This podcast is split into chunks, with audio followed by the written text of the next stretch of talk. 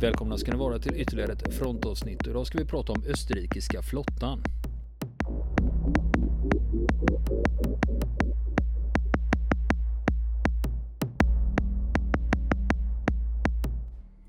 Ja då Niklas, eh, vi pratade om eh, den danske marinchefen i Österrikes flotta förra veckan. Ja, det är väl lite exotiskt. Ja, eh, internationellt samarbete. Men då, då hintade du också om att det, det fanns någon svensk koppling i det här. Jajamän, det är precis vad det gör. Och det var det jag tänkte vi skulle fokusera lite på idag innan vi kommer in på krutröken i det hela. Eh, ett av de stora sjöslagen under 1800-talet som idag är så gott som bortglömt i alla fall från svensk horisont sett. Men vem var den här då svenske sjöofficeren som jag pratar om? Då, han hette Erik av Klint och han var född på Gotland 1816, alltså eh, året efter Napoleonkrigens slut. Och eh, han var född i en militär släkt. Hans far, han var pensionerad sjökapten. Och hans farfar hade deltagit i sjöslagen vid Hogland och Svensksund under eh, kriget mot Ryssland då 1789-1790. Det var ju legendariska slag ju. Jajamän, så det är ju inte småpotatis riktigt kan man säga i, i sammanhanget. Och så att han hade ju, han hade väl lite, kan man säga, traditioner eller kanske rent av förväntningar att leva upp till då. När man såg vad hans, eh, ja, vad föräldrar och farföräldrar hade hittat på egentligen. Och han, han studerade då i Visby eh, först läroverk och sen gjorde han, gick han tidigt till sjöss och gjorde flera sjöresor. Bland annat som jungerman på ett handelsfartyg eh, till Medelhavet och till Amerika. Och sedan så eh, blev han extra kadett, alltså extramanskap i, på befälssidan då i, i flottan då och eh, tjänstgjorde då på örlogsfartyg som, eh, traf, ja, som seglade på Nordsjön och, och Östersjön. Han hade alltså tagit sjöofficersexamen då i unga år och eh, 37 så blev han sekundlöjtnant i svenska flottan. Eh, problemet vid den här tiden, och det är kanske någonting som klingar bekant i, eh, i moderna öron, det var att statsanslagen till flottan vid den här tiden var väldigt magra. Det var inte mycket pengar som satsades på det militära och det räckte inte ens till för att öva allt manskap som flottan hade. Så hur skulle en ung sjöofficer alldeles i början av karriären göra för att skaffa sig större sjövana? Jo, han fick helt enkelt mönstra på på något handelsfartyg för att eh, bli en dugligare, dugligare sjöman och sjöbefäl. Och han blev matros och styrman på olika brittiska och amerikanska handelsfartyg då under några års tid och trafikerade hamnar i både Nord och Sydamerika och Västindien och England. Och när han återvände då efter ett par, tre år uh, av den här praktiken Eh, till Sverige då igen så kommenderades han till tjänstgöring på olika svenska örlogsfartyg och 1848 så befordrades han till premiärlöjtnant som det hette då i, i flottan på den tiden och det är en, en grad som har som finns fortfarande i vissa, vissa eh, flottstyrkor och i vissa arméer. Bland annat i Finland så används den här graden fortfarande. Det är någonstans mellan, mellan eh, löjtnant och kapten i, historiskt sett. I olika, det skiljer sig från olika, olika eh, länder.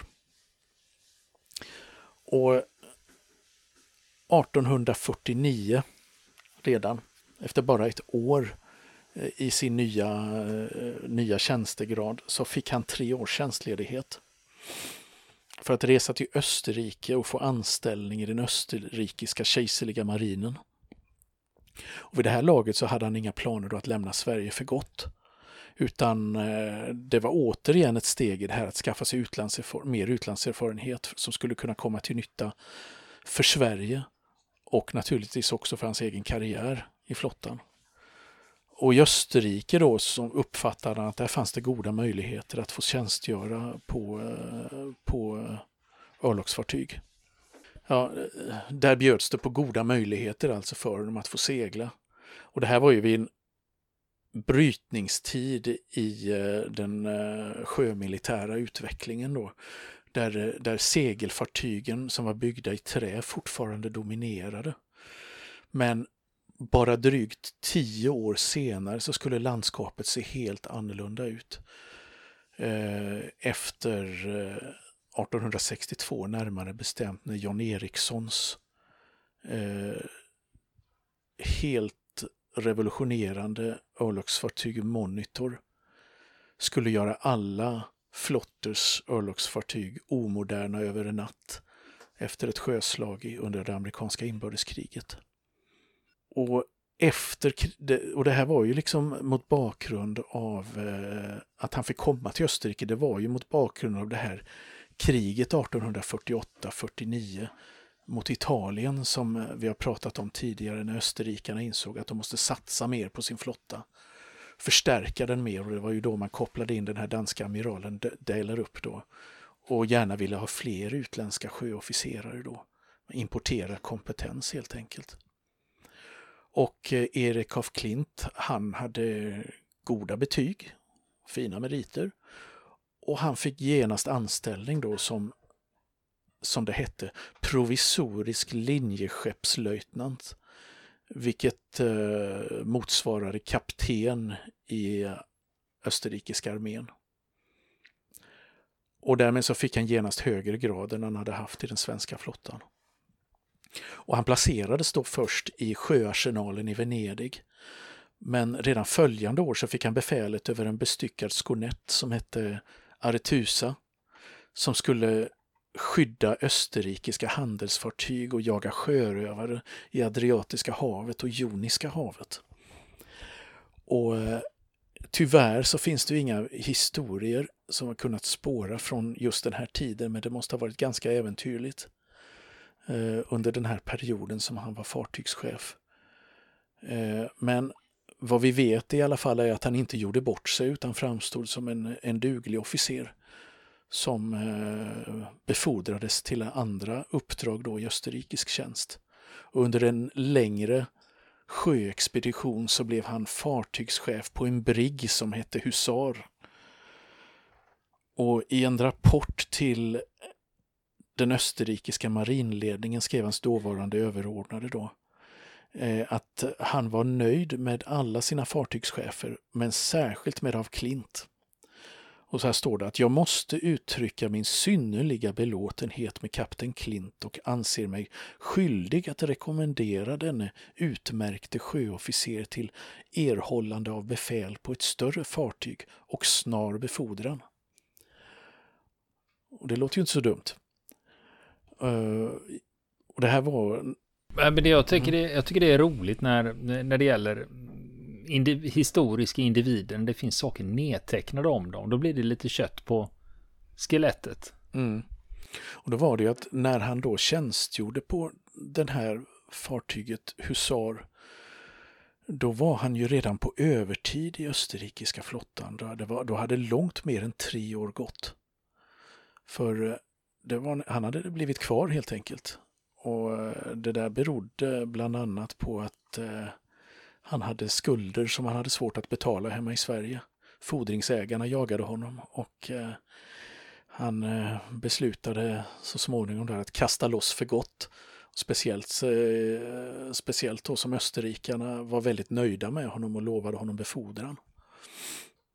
Så att eh, då var det inte så mycket, tyckte han, att, eh, att eh, tveka på. Och eh, 1856 så anlände han till marinasenalen i Venedig då med eh, husaren efter en tidskryssande på Medelhavet. Och dit anlände samtidigt en annan österrikisk skader för att närvara vid högtidligheter i samband med att kejsar Frans Josef av Österrike skulle besöka staden. Och kejsaren han inspekterar alla örlogsfartygen i hamnen då i sällskap med den dåvarande marinchefen då, ärkehertig Maximilian. Eh, det var han som då senare blev kortvarig kejsare över Mexiko, men det är en helt annan historia. Eh, och efter att ha sett sig omkring på husar så befordras av Klint till korvettkapten, alltså motsvarande major i armén. Och vid samma tillfälle så lovar ärkehertigen honom platsen som fartygschef på en fregatt som heter Adria. Han sa till honom att ni ska bli min flaggkapten för nästa sommar och jag hoppas att ni kommer göra en angenäm resa åt Norden. Sa han. Och det där lät ju som ljuv musik för av Klint för att han trodde att han skulle få komma till svenska farvatten igen och svensk hamn och kanske träffa nära och kära igen. Och eh, mycket riktigt 1857 så lämnar han befälet över sin brigg för att eh, eh, leda klargöringen då av den här helt nybyggda fregatten Adria. Eh, och han gifte sig då sam, ungefär i samma veva med en engelsk dam som hette Mary Stuart. Men när Adria hade blivit utrustad enligt alla konstens regler och fick han, så fick han då den utlovade platsen som fartygschef. Men den där resan till Norden som han hade hoppats på, den blev inte av. Och inte heller så kom ärkehertigen att följa eskaden då, det berodde kanske på ändrade planer. Så istället blev det andra uppdrag i Medelhavet då. Man var ute och kryssade på Medelhavet och visade österrikiska flaggan som det hette. Markerade närvaro. Och eh, i november 1863 så blir han linjeskeppskapten och chef för en i Trieste stationerad fregatt som heter Venus. Och det här var ett uppdrag som inte innebar segling utan det här var stationärt fartyg i hamnen i Trieste då, där man utbildade sjökadetter. Det var ett skolskepp. Och han hade den här posten då i över tre års tid och eh, ledde då utbildningen av flera generationer av eh, eller flera årskurser av österrikiska sjöofficerare då som senare skulle bli stiga i graderna i den österrikiska flottan. Men sommaren 1865 så tar han permission under några månader och efter 16 år så kunde han för första gången hälsa på hemma i Sverige igen. Då hans gamla mor var i livet fortfarande i Visby och han hälsade på andra släktingar och vänner.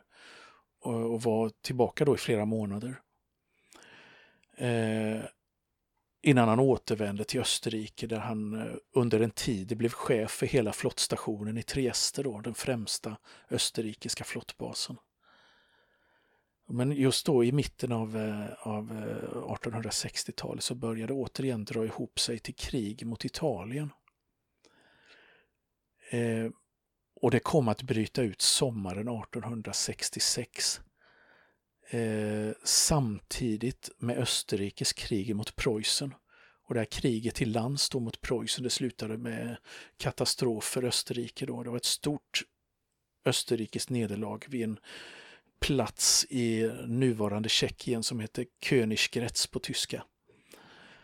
Eh,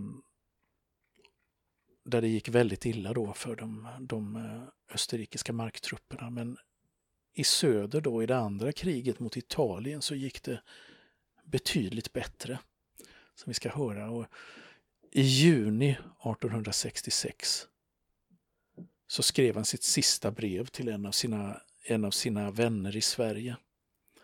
Och det är precis i skuggan då av eh, det här kriget då som är på väg att bryta ut. Och där skriver han då att flottan är nu i det närmaste rustad. Den ligger i Pola under amiral Tegetoffs befäl och stationsbefälhavareplatsen hoppas jag med första få utbyta mot en fregatt.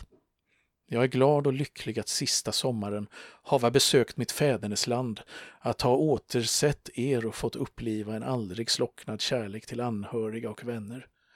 Må det nu gå hur det vill, men aldrig ska ni få anledning att förakta mig. Så skrev han och det är väl ett utslag också, den här tonen i brevet då för den tidens lite mer melodramatiska och överspända sätt, alltså sett med våra dagars ögon då som man som man uttryckte, uttryckte sig på och tänkte på den här tiden då. Och han kom att få sin fregatt. Den hette Novara och eh, var en, eh, ett eh, fartyg som hade bara några år tidigare byggts om från enbart segel till ångmaskin med propellrar. Då en propellerfregatt så att säga. Den hade kvar sina master och segel men mer som hjälpdrivkraft då. Men eh, det primära var, var ångmaskinen efter detta då. Och eh, det hade gått till så att man hade tagit in det här fartyget. Då. Det var ett ganska känt fartyg i den österrikiska flottan. Det hade gjort flera vetenskapliga forskningsexpeditioner, seglat på de sju haven och så vidare. Och eh, det var ett fartyg som alla kände till på den här tiden då. Eh, men då hade man tagit in det på varv. Sen hade man skurit av det på mitten. Det var 50 meter långt och då skar man av det på mitten och så la man till ytterligare 12 meter mitt på. Så att man fick ett maskinrum för eh, ångmaskinen. Och så satte man ihop det här igen då, den, hela den här skapelsen då. Och eh, 300 mans besättning och över 50 kanoner, 30-pundiga kanoner då på det här. Så att det lät ju imponerande på pappret. Men när det här fartyget skulle löpa ut då för att delta i kriget mot Italien så hade det precis blivit brandskadat och hade ännu inte reparerats färdigt. Så att det var inte fullt stridsdugligt. Men det, man ansåg att man inte hade så mycket alternativ utan man var ändå tvungen att, eh, att eh, gå till sjöss med det. Men det var ju som sagt inte optimalt.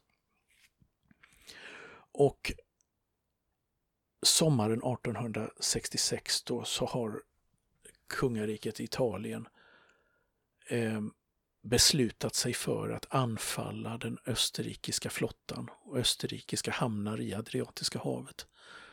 Så man löper ut med en flottstyrka från Ancona och stävar in i Adriatiska havet och angriper en ö som på den tiden kallades för Lissa i Adriatiska havet. Idag så heter den Viss och tillhör Kroatien.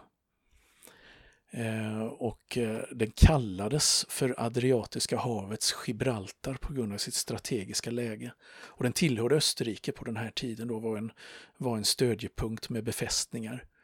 Och, och, som ett mått på dess betydelse kan man säga att Tito använde den här ön som bas under eh, den tyska ockupationen av Balkan och partisankriget mot den tyska ockupationsmakten. Och senare så var det en flottbas för den jugoslaviska flottan fram till slutet av 80-talet. Pratade inte vi någon gång om någon sån utpost där det fanns uh, Skoda-kanoner eller svenska kanoner eller något? Kan jag tycker vara, jag känner igen ja, det här. Det kan vara samma ö, jag kommer inte ihåg själv riktigt faktiskt. Mm. Men så kan ja, det, det ringde någon klocka bara. Ja, just det. Och den, den eh, italienska flottan som närmar sig Vist den består av 28 örlogsfartyg under den italienska amiralen Carlo di Persano. Eh, som eh, när man läser hans, studerar hans biografi så ser man att ja, han var, man kan få lite tvivel gällande hans kompetens kan man säga. Därför att han hade två gånger tidigare varit inblandad i pinsamma skeppsbrott och haverier som inte hade skadat, trots allt inte hade skadat hans karriär. Bland annat så hade han varit ute med den kungliga familjen, då, italienska kungafamiljen, och gått på grund med fartyget och blivit eh, degraderad i sex månader efter detta som bestraffning men sen återfått sin Eh, sin rang och vid ett annat tillfälle så var han på väg till en världsutställning med ett italienskt fartyg som skulle representera Italien då, men gick också på grund utanför Genua. Så att eh, det fanns väl, man kan väl säga i efterhand att eh, det fanns väl saker som gjorde att man kanske borde tänkt två gånger innan man satte en hel eh, flotteskador i händerna på den här amiralen då, Persano. Men det gjorde man i alla fall. Och eh, det visade sig då eh, att de italienska och österrikiska flottorna var ungefär jämnstarka vid den här tiden då. Österrikarna de leddes av en amiralen Wilhelm von Tegetoff som eh, är förmodligen den mest kända och, eh, och eh, eh, skickligaste sjöofficeren som den österrikiska flottan hade. Mycket kreativ och energisk man då. Han hade 26 fartyg, alltså två färre än italienarna då. Men det var bara på pappret som han var ungefär jämnstarka för i verkligheten så fanns det, fanns det mycket som pekade till österrikisk nackdel eh, vid den här tidpunkten. Eh, bland annat så var de österrikiska fartygen betydligt mer föråldrade än de, eh, de italienska. Italienarna, den italienska flottan var vid den tidpunkten då en av världens mest moderna.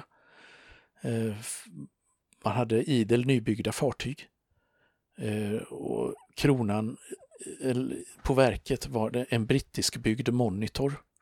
Alltså ett fartyg av samma typ som Jan Eriksson hade byggt några år tidigare, 1862, revolutionerat sjökrigföringen med då. Ett fartyg helt i eh, stål som eh, drevs av propellrar och hade ett rörligt kanontorn. Det var flera, ny, flera nyheter i, på en enda gång där. Och ett sånt hade Italien varit snabba att skaffa och det hette Affondatore. Det här, och vi ska återkomma till det då. Och det hade Dessutom så hade Affondatore strax föreslagit utrustas med en väldig ram i fören eh, som var nio meter lång. Och eh, Tegetoft Tegetoff då som hade en till stora delar fortfarande trots den danska amiralen Dellerups ansträngningar så var den till stora delar omodern och underlägsen i, i alla fall jämfört med Italien då. Och han hade fullt sjå att förvandla sin egen flottstyrka då till en en fiende som på allvar skulle kunna utmana och mäta sig med italienarna. Du, en fråga där. Jag mm. tänker på det här med när man då har en, ett fartyg som har den här monitortypen med propeller ja. och eh, de andra fartygen man ställs emot, är det, är det segelfartyg? Eller är de ja. också motordrivna? Ja, det fanns ju, det här är ju som jag sa tidigare så är ju det här en övergångsperiod då i, eh, inom sjökrigföringen då. Där man är på väg då från träfartyg med segel till fartyg byggda av eh, helt i, i stål med propellrar och rörliga kanontorn. Så att här fanns ju många mellanvarianter mellan de här två ytterligheterna då. Som till exempel det här Novara som hade utrustats med ångmaskiner och propellrar men fortfarande hade sina kanoner i kanonportar som, på, som fartygen alltid hade sett ut tidigare då. Eh, och eh, det fanns hjulångare också i, i flottorna.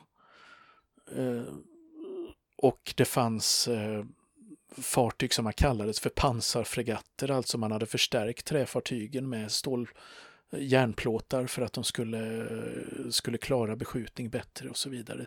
Så man testade olika grejer så att det är liksom en, en övergångsperiod där mycket händer. Är det. Och just i den här perioden då så inträffar det här sjöslaget, sjöslaget vid Lissa i juli 1866 då med de här olika mellanvarianterna då. Där bland annat eh, vår svensk då här eh, Eh, för befälet över en av, av Klint och för befälet över en av dessa, dessa eh, ja, ska man säga, mellanvarianter då. Eh, där han liksom inte längre var beroende av vindkraft utan kunde, man kunde skyffla kol i en ångpanna istället.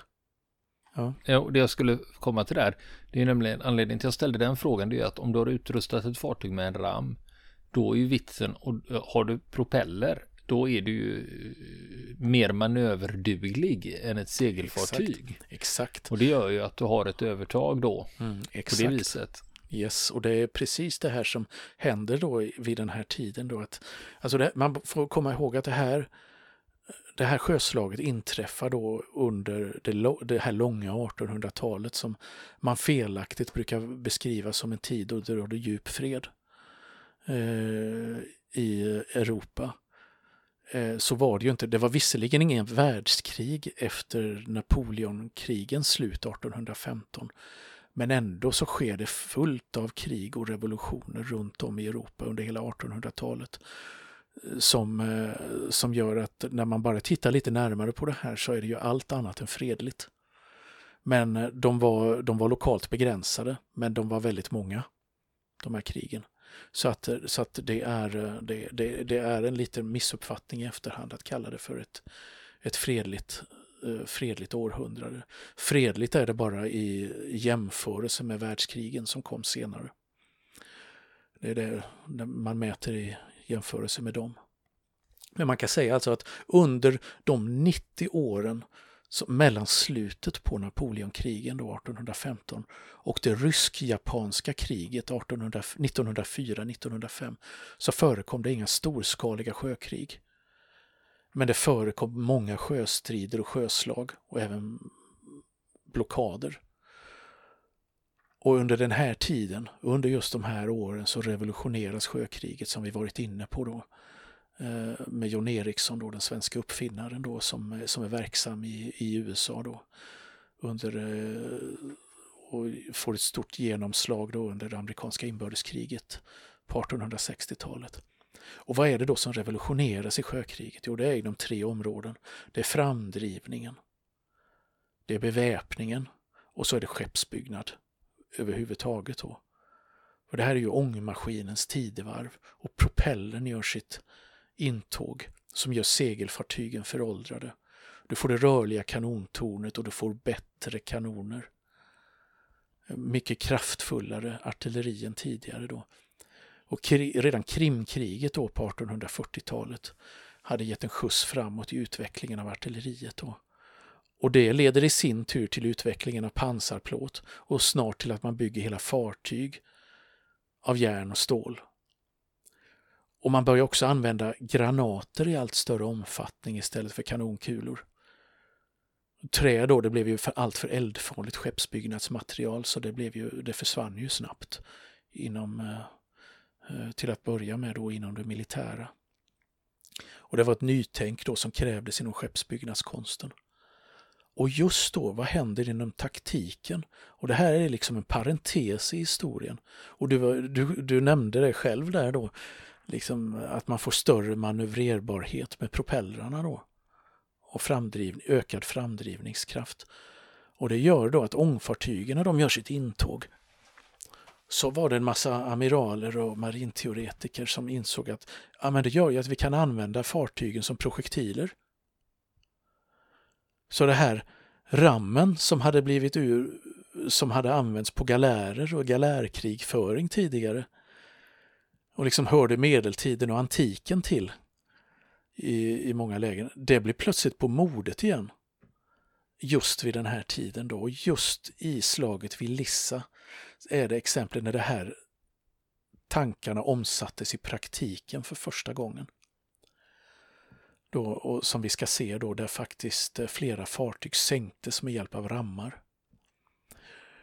Och, men kollisioner mellan ångfartyg visar, alltså det visar hur fatala skadorna kunde bli då. Och, eh, men, det var också, och det var, men det var opraktiskt och riskabelt för det var det var ju lätt att undvika att bli rammad i strid om det var två ångfartyg som stred mot varandra och det fanns gott om manöverutrymme. För jag menar, kan du manövrera så kan ju fienden också göra det. Om de har eh, ång, ångmaskiner drivna som driver propellrar.